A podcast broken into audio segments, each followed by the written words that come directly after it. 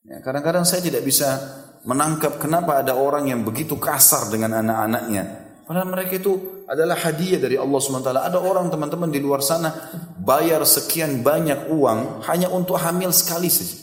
Saya tahu ada jemaah kita, itu luar biasa. Biaya sekian ratus juta mungkin sudah miliaran uang dikeluarkan hanya untuk hamil sekali. Subhanallah tidak Allah kasih. Ada orang yang Allah mudahkan setiap tahun bisa hamil punya anak banyak. Tapi anak-anak itu malah dibengkalaikan, bukannya dianggap sebagai sebuah nikmat yang baik.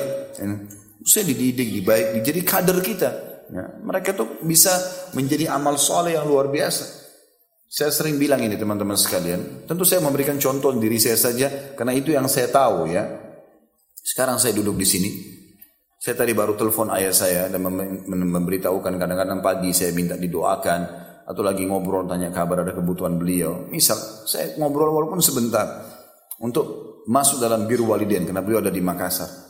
Tapi subhanallah saya kadang-kadang berpikir lagi duduk menyampaikan hadis satu, dua, tiga, lima, sepuluh, masuk ke masjid, sholat, apalah yang saya lakukan. Saya tahu betul ayah saya dulu waktu kecil memandu saya untuk itu. Maka beliau lagi ada di Makassar panen pahala ini. Kita nggak tahu ya, anak kita ini akan menjadi seperti apa ke depan. Kalau kita sudah ikhtiar, sudah coba memberikan yang terbaik, lalu dia menjadi kader-kader umat yang terbaik maka apa pun yang dia kerjakan jadi amal jariah buat kita. Nah, sampai cara jalan, cara berbicara, itu jangan dianggap remeh teman-teman. Jangan selalu menggunakan jasa orang lain walaupun boleh. Ada orang kadang-kadang karena kekayaan yang melimpah, merasa tidak mau sibuk dengan anak-anak, akhirnya dia tidak mau sibuk sama sekali. Anaknya cuma ditemui pada saat habis mandi, dipeluk sebentar lalu ditinggalkan. Semuanya pembantu yang urus dari pagi, malam pulang sudah tidur. Sudah tidur, sudah makan, sudah selesai. Seakan-akan kewajiban hanya sekedar bertanya. Bukan itu. Amanah Allah Subhanahu wa taala kasih itu bagian dari kita, membawa nama kita ke depannya gitu kan.